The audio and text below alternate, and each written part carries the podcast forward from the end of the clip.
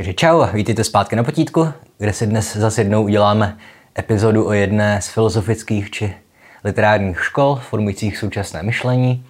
V podstatě to bude pokračování série literatura nebo umění jako nástroj útlaku a propagandy a budeme mluvit o e, takzvané postkoloniální kritice, no, což je v podstatě teorie, která se pokouší vyrovnávat s následky evropského kolonialismu, které jsou dodnes patrné všude kolem nás – pramení z nich, že jo, většina konfliktů týkajících se rasismu či náboženské nenávisti a půjdeme o to vysvětlit, že když se někdo rozčiluje, že v reklamě na Fidorku vystupuje Černoch nebo že protagonistou hry z evropského středověku je Aziat, takže se nejedná o žádný neomarxismus nebo postmodernismus, jak se nám pokouší tvrdit konzervativní mainstream, ale že se jedná o výsledek školy kritického myšlení postkoloniálního, eh, které se proti postmodernismu i neomarxismu vymezovalo. Jakkoliv se v nich do nějaké míry taky inspirovalo. A spoiler alert, zakladatel postkoloniální teorie Edward Said byl velice konzervativní a křesťansky orientovaný pán. Vymezoval se proti všem těm politikám identit a, přestože byl palestinského původu, tak říkal, že evropská kultura je nadřazená kultuře zbytku světa a tak podobně. Zároveň je vliv postkolonialismu patrný i z poslední Nobelovy ceny za literaturu, kterou obdržel Abdul Raza Gurna, eh, typický zástupce postkoloniálního směru v literatuře. K tomu všemu se dostaneme, teď to ale pojďme vzít od začátku a nejdřív si uvedeme nějaké nezbytné historické okolnosti, jakkoliv jsou asi nějaké části z vás známé. A pokud teda mluvíme o postkolonialismu, hm, už stavba toho slova nám napovídá, eh, že začít musíme se samotným kolonialismem pokud dnes tedy žijeme v postkoloniální době. I když ono se spekuluje, jestli se to má psát se středníkem, jako dohromady postkoloniální, to znamená v době od začátku kolonizace, nebo postkoloniální, tedy po kolonizaci.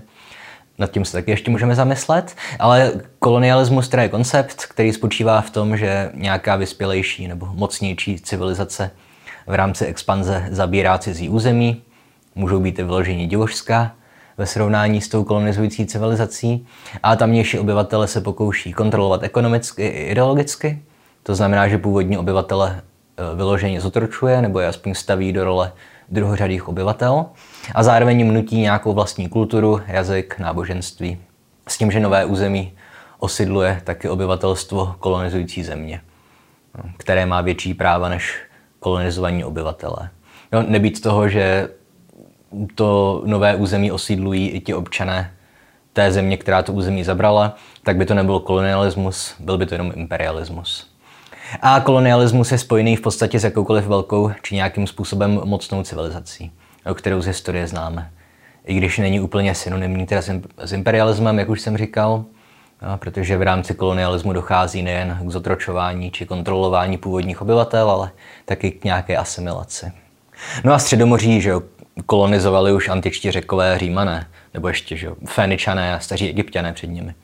A ve středověku pak různé části světa kolonizovali vikingové, arabové, ale kolonie zakládali že v Levantě i křižáci. Mezi 11. a 13. stoletím tam vznikaly ty křižácké státy. A ten termín se dodnes používá v souvislosti se situací v Palestině a Izraeli. I když opět to úplně nenaplňuje tu tradiční definici kolonizace.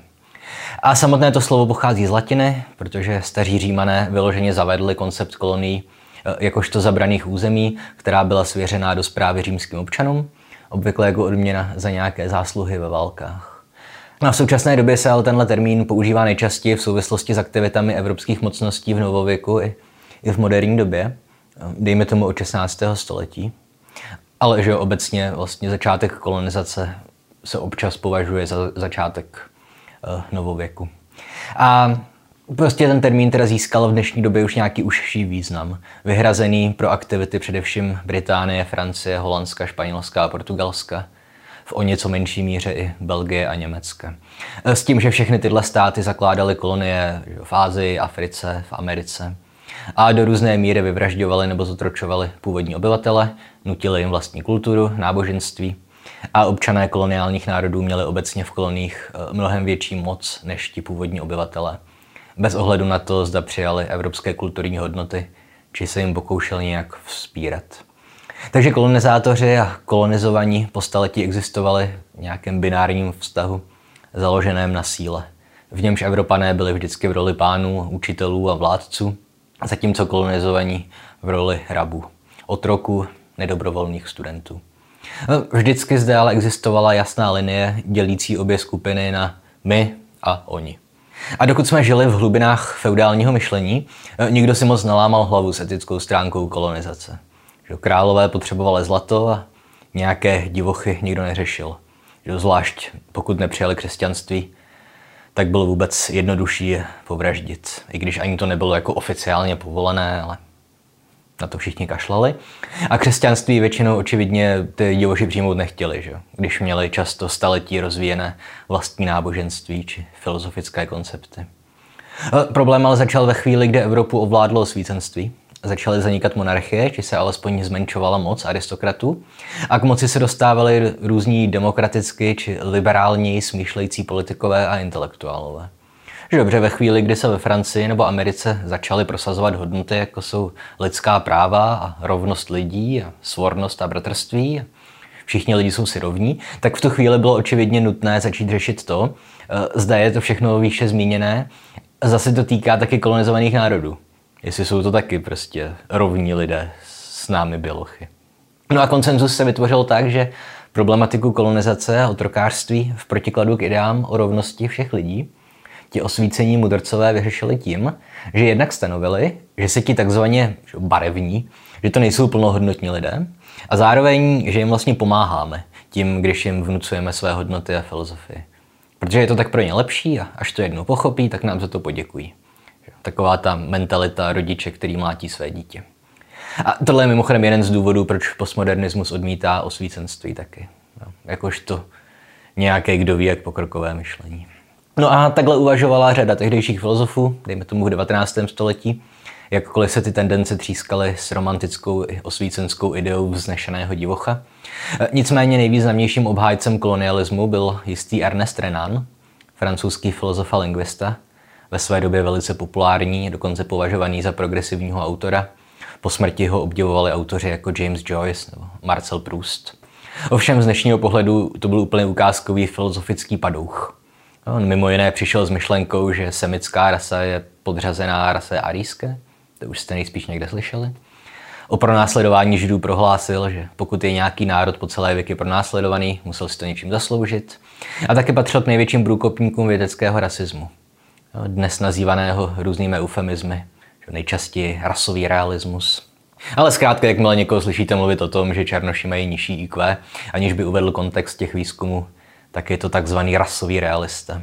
A ne někdo, kdo se pokouší ospravedlnit svůj rasismus špatně interpretovanou vědou. To též dělal Renan.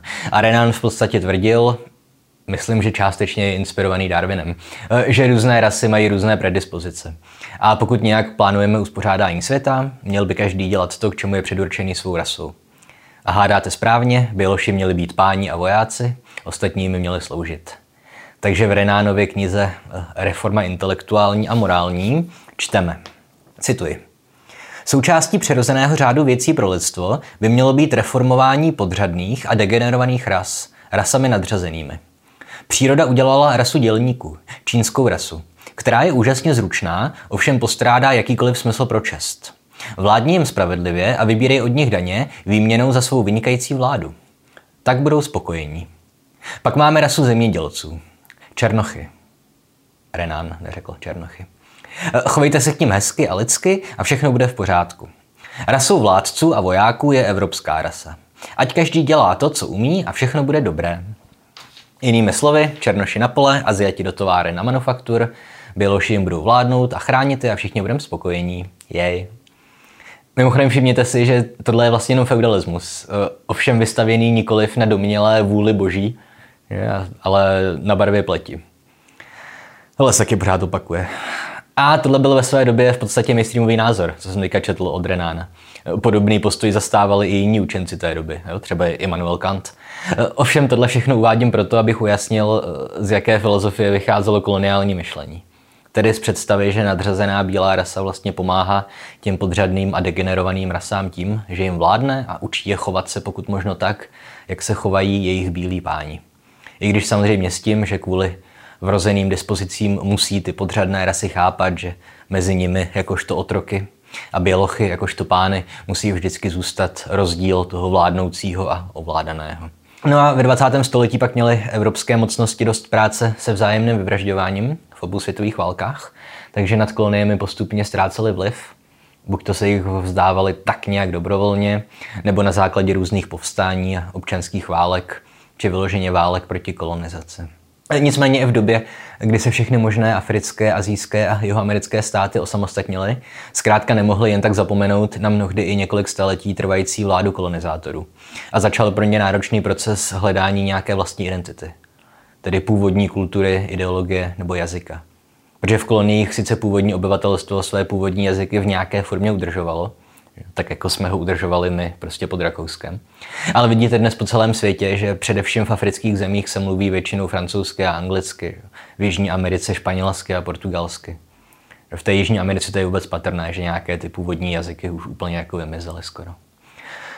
A kapitolou o sobě je pak indická angličtina, že Ta je doufám dodnes trestem Velké Británie za jejich zločiny spáchané v Indii a v okolních zemích. No a v době, kdy už většina tradičních kolonií zanikla, konkrétně v roce 1978, se poprvé objevila knížka nazvaná prostě Orientalismus od tehdy nepříliš známého Edvarda Saida. A tahle knížka je dnes zpětně považovaná za zakladající text kritické školy, které říkáme postkoloniální studia jakkoliv se tomu její autor bránil. On se nepovažoval za příslušníka téhle školy, ale smůla. A Edward Said se narodil v roce 1935 v Palestině křesťanským protestantským rodičům a jelikož jeho otec sloužil za první světové války v americké armádě, tak získal díky tomu americké občanství. A Edward Said pak strávil dětství částečně v Jeruzalémě, částečně v Káhyře, takže díky tomu ochutnal všechny možné kultury. Jednak tu britskou-americkou, ze které pocházel po krvi, jednak arabskou, jednak židovskou. Káhira, Jeruzalém. Zajímavý detail je i to, že v Káhyře chodil na prestižní školu určenou pro děti zahraničních diplomatů či obchodníků. A řada jeho spolužáků pak později v dospělosti ve svých rodných zemích řídila proces dekolonizace, ten proces zbavování se těch evropských pánů. A později studoval Said v Americe, vystudoval několik oborů na několika prestižních školách, doktorát získal na Harvardu z anglické literatury a v průběhu akademické kariéry pak vyučoval opět na dalších prestižních univerzitách. Na Stanfordu, Yaleu, na Kolumbijské univerzitě v New Yorku. To jsou tuším všechno členové Ivy League. A přestože to byl teda původním povoláním literární vědec, tak ho proslavila nejvíc právě jeho kniha o orientalismu. No a k jejímu pochopení je, myslím, klíčová teze z úvodní kapitoly knížky, z úvodu prostě, kde Said píše, cituji, Orient není pouze sousedem Evropy. Je to také místo největších a nejbohatších a nejstarších kolonií. Zdroj evropské civilizace a jazyků. Její kulturní soupeř a jeden z nejhlubších a nejčastěji se objevujících obrazů, takzvaně těch druhých. Kromě toho Orient pomohl definovat Evropu, chcete-li Západ, jakožto jeho kontrastní obraz, idea, charakteristika či zkušenost. Konec citace. Jo, opět tohle všechno si vysvětlíme, i když to je pěkně shrnuté. A mimochodem, pokud něco ze Saidova díla přežilo do dnes, tak je to koncept těch druhých, když řeknu ti druzí, terminus technicus. Ale vezmeme to od začátku a začneme u termínu Orient a u Saidovy kritiky vědeckého zkoumání tohoto teritoria.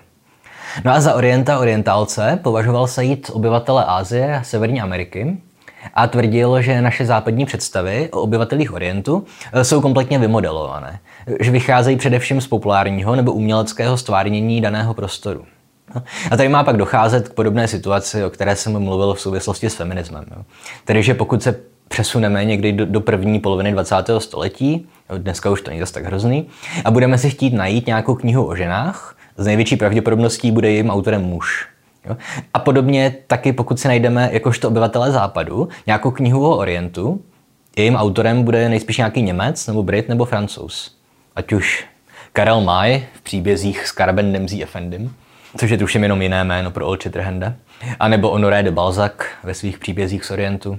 Konkrétně kritizuje Said Balzacovu fantaskní šagrénovou kůži. No a západní literární stvárnění Orientu pak tíhne že ke kulturní reprezentace Orientu, jakožto místa, které je primitivní a iracionální, násilné, despotické, fanatické a ze své podstaty podřadné západnímu světu ve všech směrech. No, což se pak promítá i do stvárnění obyvatel Orientu, kteří se slévají do jedné homogenní masy. Jo? Jako kdyby obyvatelé Iránu či Alžírska nebyli od sebe tak odlišní, jak to jen jde. Že? Nemluvě o obyvatelích vzdálenějších kolonií, jako je Indie či Větnam. A potom nakonec vždycky vidíme ty stejné jako karikatury těch lidí. Že jo? Nějakého toho vtipného pomocníka protagonisty a nějakou krásnou a tajemnou ženu. A tak dál. No a abychom dnes aspoň trošku zůstali u literatury, přeložil jsem pro vás aspoň první sloku eh, básně Rudyarda Kiplinga, to je ten, co napsal Mauglího. A ta báseň je nazvaná eh, Břímě bílého muže.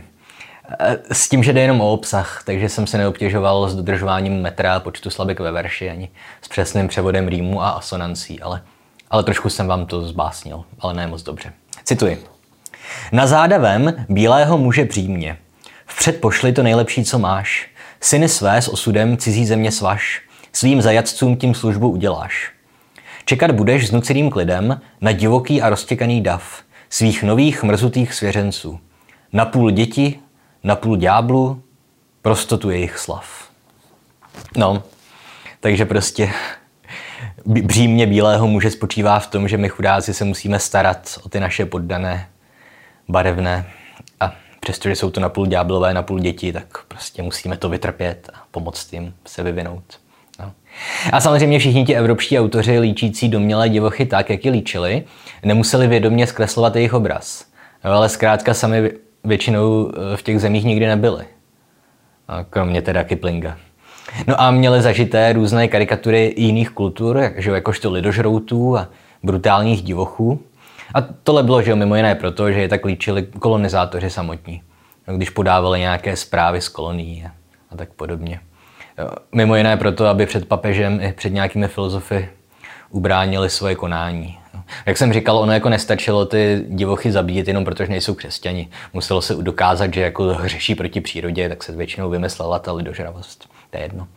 No, a tohle všechno pak podle Saida zkrátka vedlo k tomu, že dokud byly u moci koloniální mocnosti, eh, dosazovali k moci nad místními komunitami takové aborigince, kteří následovali západní kulturní hodnoty. Jo, často měli i západní vzdělání.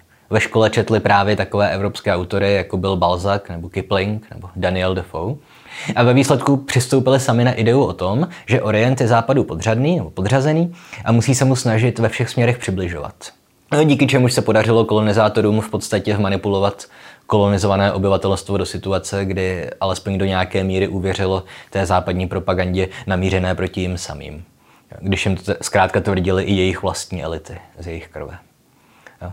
Jakkoliv opět v případě literatury se nejspíš jednalo o propagandu neumyslnou, i když Said ji vysvětluje nějakou podvědomou touhou ospravedlnit za své podstaty neetický či přímo zločinný koncept kolonizace. Ale zrovna třeba ten Karel Maj chtěl, myslím, prostě jenom psát napínavé příběhy z atraktivního prostředí, než že by toužil nějak utlačovat těmi svými knížkami Indiány nebo Araby. No, těžko říct. A Said argumentoval tím, že především arabský svět je prostě dodnes viděný prismatem evropských spisovatelů 19. století. Že Západ se dodnes nezbavil narrativu o Orientu jakožto násilném, despotickém a iracionálním světě s obyvateli se stejnou charakteristikou.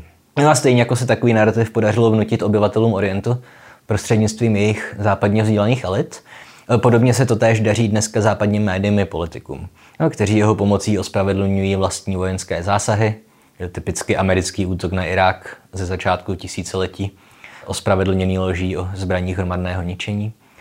Každopádně Said argumentuje, a teď to brutálně zjednoduším, že evropská civilizace se tak vehementně snažila vidět Araby jako potenciální teroristy a, a tak moc se tu ideu snažila vnucovat samotným Arabům, až došlo k tomu, o čem jsem mluvil v epizodě o sebenaplňujících se proroctvích. On k tomu vnímání Orientu v dnešní době přímo píše tohle, Said, Cituji. Pokud je řeč o Spojených státech, je myslím jenom lehkou nadsázkou prohlásit, že muslimové a arabové jsou esenciální nahlížení jako buď ropní šejkové nebo potenciální teroristé. Dokonce ani lidé, jejichž prací je referovat o životě těchto lidí, vědí jen málo o detailech rozmanitého a vášnivého života Arabů a muslimů. Namísto toho se nám dostává série hrubých, esencializovaných karikatur islámského světa, prezentovaných takovým způsobem, aby bylo později ospravedlnitelné na tyto lidi vojensky zautočit. Konec citace. Pokud v tom slyšíte něco z Noama Čomského, tak to tam slyšíte správně. A samozřejmě tohle poukázání na homogenizované nahlížení Arabů je dobré zkusit chápat třeba skrze to, když se vcítíte do Araba Edvarda Saida, že? Araba křesťana, protestanta, který studoval prestižní školy arabského i západního světa a v obou těch civilizacích byl jako doma, i když asi úplně nepatřil ani do jedné. A prostě pro něj ta představa Araba jakožto ropného šejka nebo potenciálního teroristy, to, to je prostě dodnes jako velice živé. Samozřejmě především mezi primitivně uvažujícími lidmi, kteří chápají svět jenom v dichotomii bílá dobrá, hnědá špatná, ale přesto je tohle živé. Že? Ale abych nějak schrnul Saidovy argumenty, než se posuneme k další postkoloniální autorce, tedy Jelikož západní kultura dominovala světu více než 2000 let, od doby řecké a římské antické civilizace až po současnost. A mimochodem, že již počátky civilizace jsou rámcované řecko-perskou válkou, válkou mezi Orientem a Occidentem.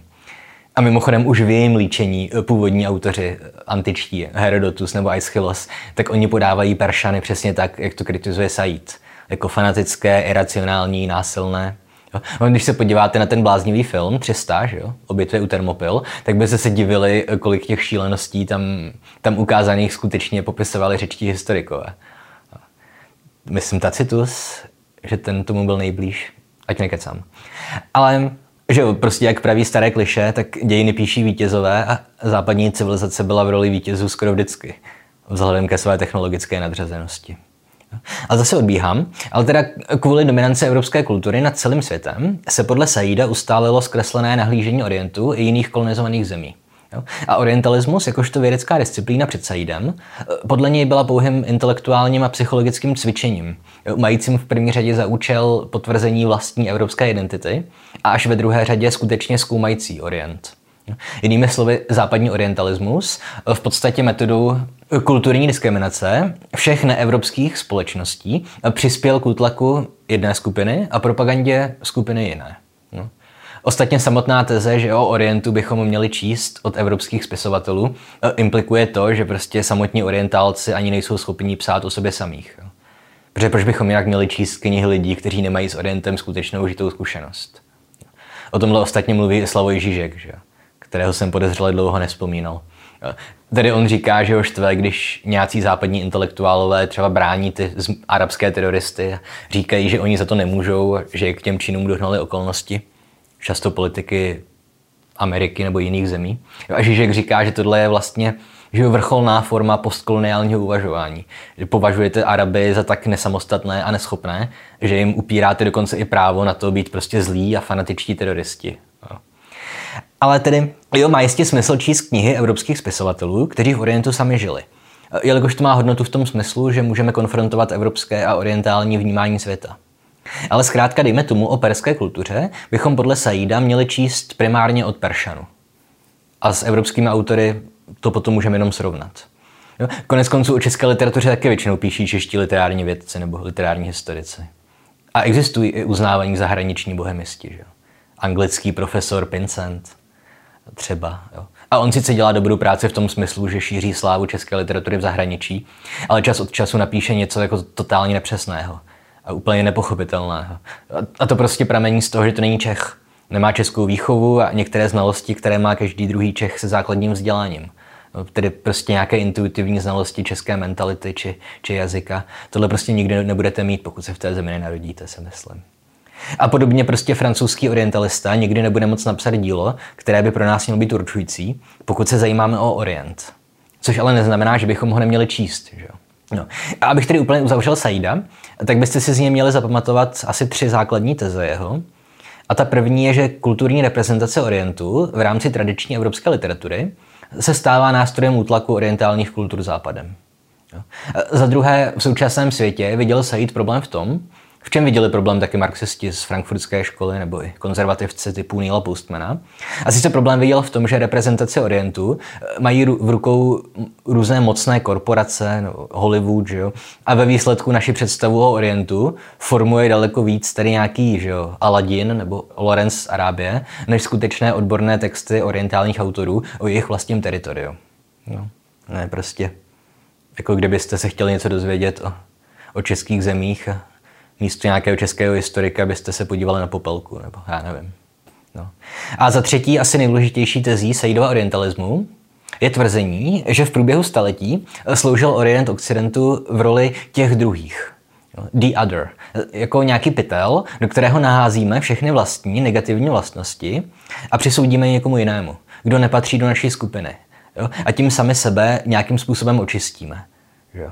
Kde zkrátka všechny ty vlastnosti, které jsem vyjmenovával, jako ta iracionalita, despotismus a násilnost, které přisuzujeme podle Saida arabskému světu, tak to je součástí naší esence taky. Že?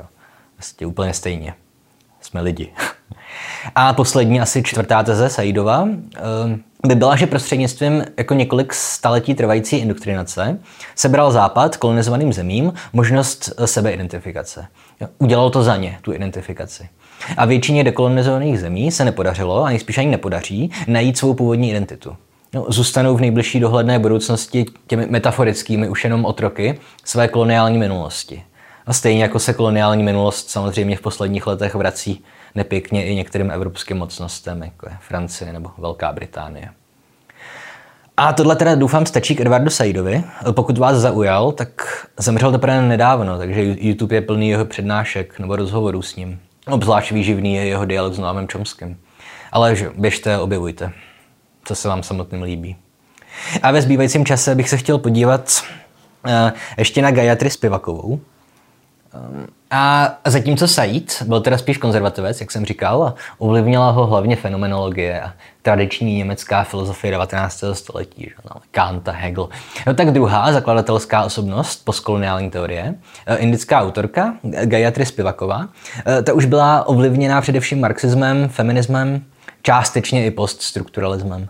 Eh, už proto, že její učitel na univerzitě byl Paul de Man, přední představitel postmoderní literární vědy přední, než se přišlo na to, že to byl SSák.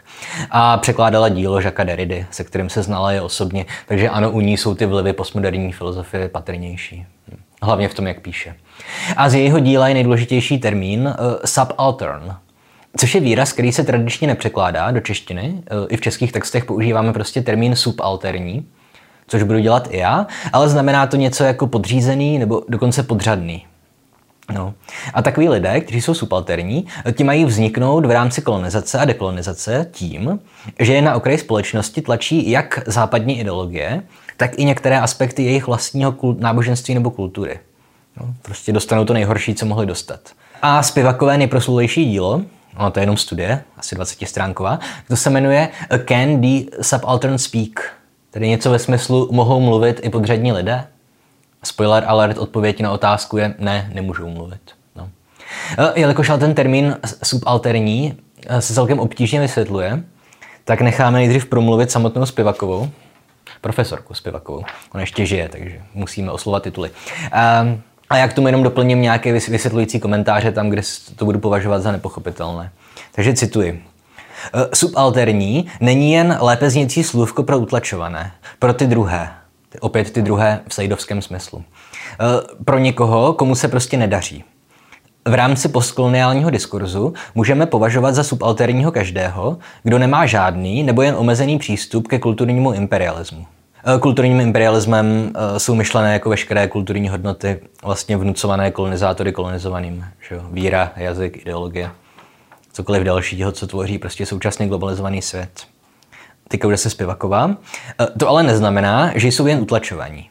Utlačovaná je dělnická třída, ale není subalterní. Mnoho lidí by se rádo prohlašovalo za subalterní. Ti jsou ale nejméně zajímaví a nejvíce nebezpeční. Tím chci říct, že pokud jste na univerzitním kampusu diskriminovaní proto, že jste minorita, nedělá to z vás ještě subalterní lidi. V tom smyslu, že máte přístup ke kulturnímu imperialismu. Konec citace. No, tedy jedna věc je být utlačovaný. Buď teda v marxistické terminologii utlačovaný ekonomicky v rámci dělnické třídy, nebo na základě předsudků vůči různým menšinám, jste utlačovaní, protože jste gay nebo cokoliv jiného. Ovšem utlačovaní a subalterní neznamená to tež. No, zajímavé v tomto kontextu mimochodem je, že termín poddaný nebo subalterní skutečně začal jako první používat marxistický kritik eh, Antonio Gramsci. Ovšem podle Spivakové to byl u něj jenom synonymní termín pro proletariát, který používal jenom proto, aby se vyhnul cenzuře, která šla tenkrát po slovu proletariát jako slepice po flusu. Ovšem rozdíl od marxismu je v postkoloniální teorii ten, že subalterní lidi nechápe jenom jako definované jejich třídou, ale i dalšími faktory. Jo? Rasou, genderem, později se přidá i sexuální orientace a nedostatečným přístupem k plodům kulturního imperialismu. Takže co nám myslí těmi kampusy? Pokud jste vysokoškolák a máte pocit, že jsou na vás učitelé oškliví, protože jste nějaký takový ten jako očividný gay, tak jste utlačovaná minorita, ale nejste subalterní, protože pořád ještě máte prostě přístup ke všemu, k čemu má přístup i obyvatel západu, ten kolonizátor. Jo. A mimochodem tady celý tenhle problém souvisí taky s dnes hodně užívaným termínem třídní redukcionismus, pokud se to tak dá říct česky, že? class reductionism, to v češtině to nikdy neslyším, a, a který je užívaný v levicových kruzích pro ty teoretiky, kteří tak říkajíc staromódně marxisticky chápou veškeré třídní ve společnosti jako výsledek třídního boje. Jo. Ovšem postkoloniální teoretici by tohle označili za chybu. Jo. Redukce mocenských vztahů ve společnosti jenom na kapitál. Jo. Že podle nich se máte špatně, pokud jste tovární dělník v současné České republice, ale Srovnejte tu situaci s indickou, lesbickou tovární dělnicí v Kalkatě, ještě dejme tomu pod britskou nadvládou. No, ta není jenom utlačovaná, ale je i subalterní, tedy podřízená či podřadná. No. O tomhle ostatně mluvila že ContraPoints v jednom videu o tom třídním redukcionismu. Že třeba pro ní jakožto transgender ženu, eh, nebo transženu, jak se to říká správně, to je jedno, takže ona automaticky jakoby klesá eh, mezi třídami. Že, že ona je sice ekonomicky vyšší třída, ale reálně kvůli té své transsexualitě je prostě střední třída. A kdyby byla střední třída, tak klesá na nejnižší třídu a tak dále. Takže tak. No a jelikož Spivaková není jenom kritička, ale taky politická aktivistka, tak do jejího odkazu, no odkazu ještě, že to je jedno, eh, patří pojem eh, strategický esencialismus. Opět tohle je něco, co byste si měli zapamatovat a je důležitý pro pochopení některých aspektů současných kulturních válek.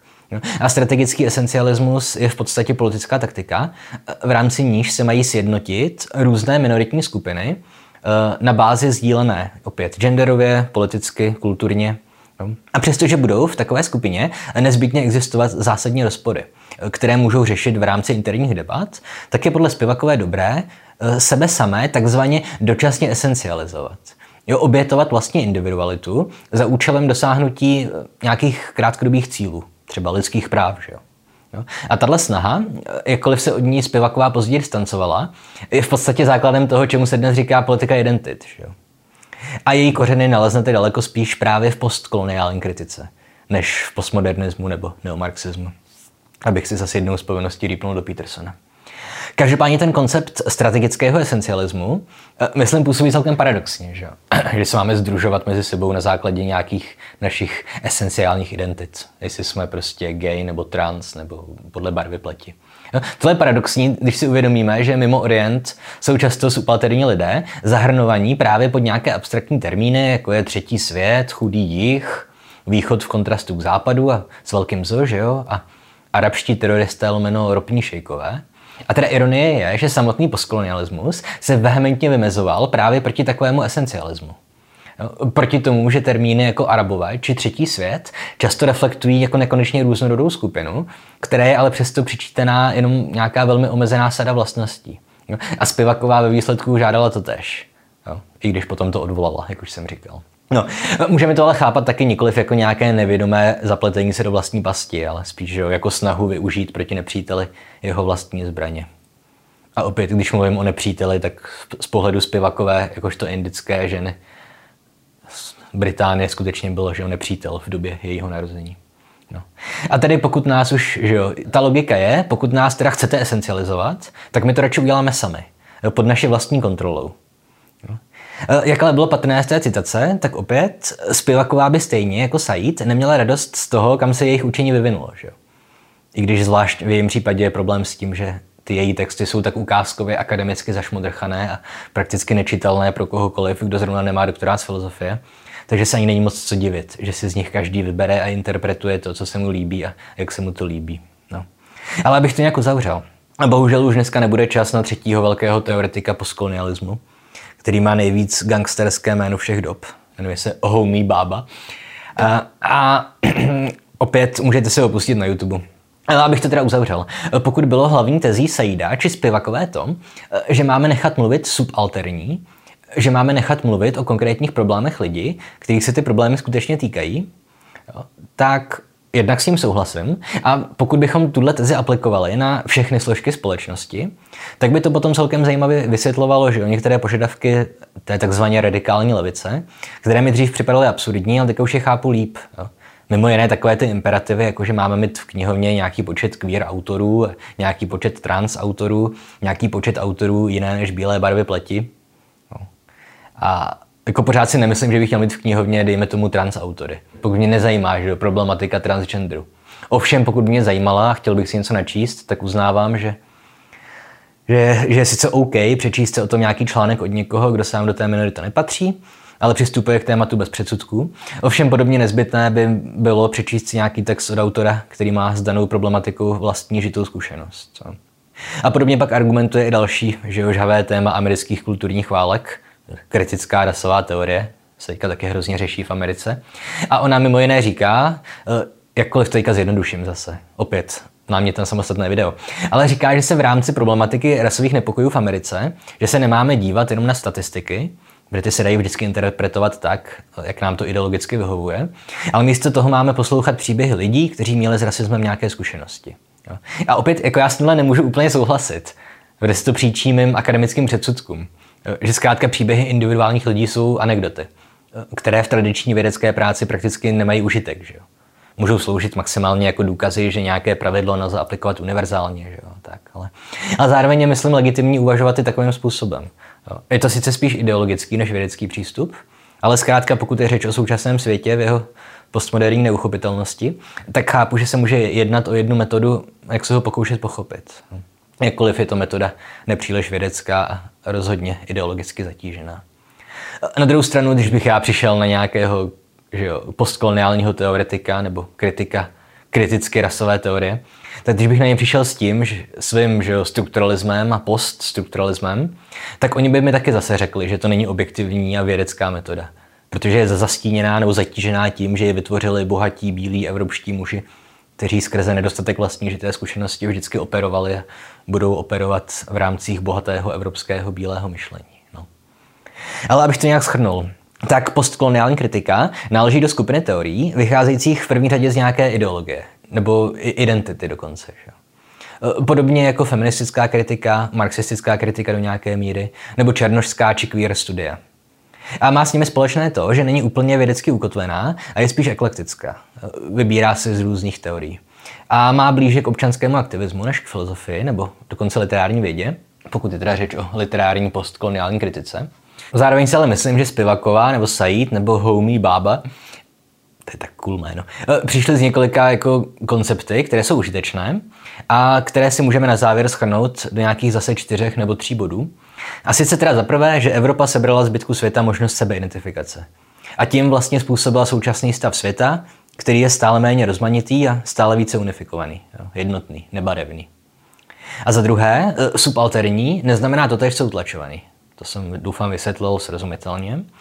Za třetí, pokud nás zajímají problémy nějaké minority či cizí kultury, je možná dobrý nápad přečíst si o ní knížku od nějakého jejího člena. A za čtvrté, západní představa Orientu je zkreslená jeho kulturní reprezentací a je vystavěná na, na dichotomii my versus oni. My versus ti druzí. S tím, že do karikatury Orientu často projektujeme nějaké vlastní slabiny a nedostatky. No, a to už pro dnešek stačí. Takže to znáte. Jestli se vám video líbilo, nebo jste si něco naučili nebo pochopili, tak dejte like, odběr, sdílejte, komentujte. Najdete nás taky na Facebooku a Instagramu. Můžete si koupit náš nový merch, trika, hriníčky, bločky, to všechno s postmoderním mravenečníkem. Každé úterý a čtvrtek potom streamuji na Twitchi, tak zrovna mám rozehrané Kingdom Come Deliverance, protože já počítačové hry hraji. A pokud byste se cítili na to nás nějak finančně podpořit, můžete nám poslat peníze na Patreonu, kde si to dostanete přístup do Discordu a nějaké bonusové epizody. Za vyšší týry jsou i podcasty nebo videa na přání a to bude pro dnešek všechno. Příští týden bude zase nějaký rozbor literárního díla a čau.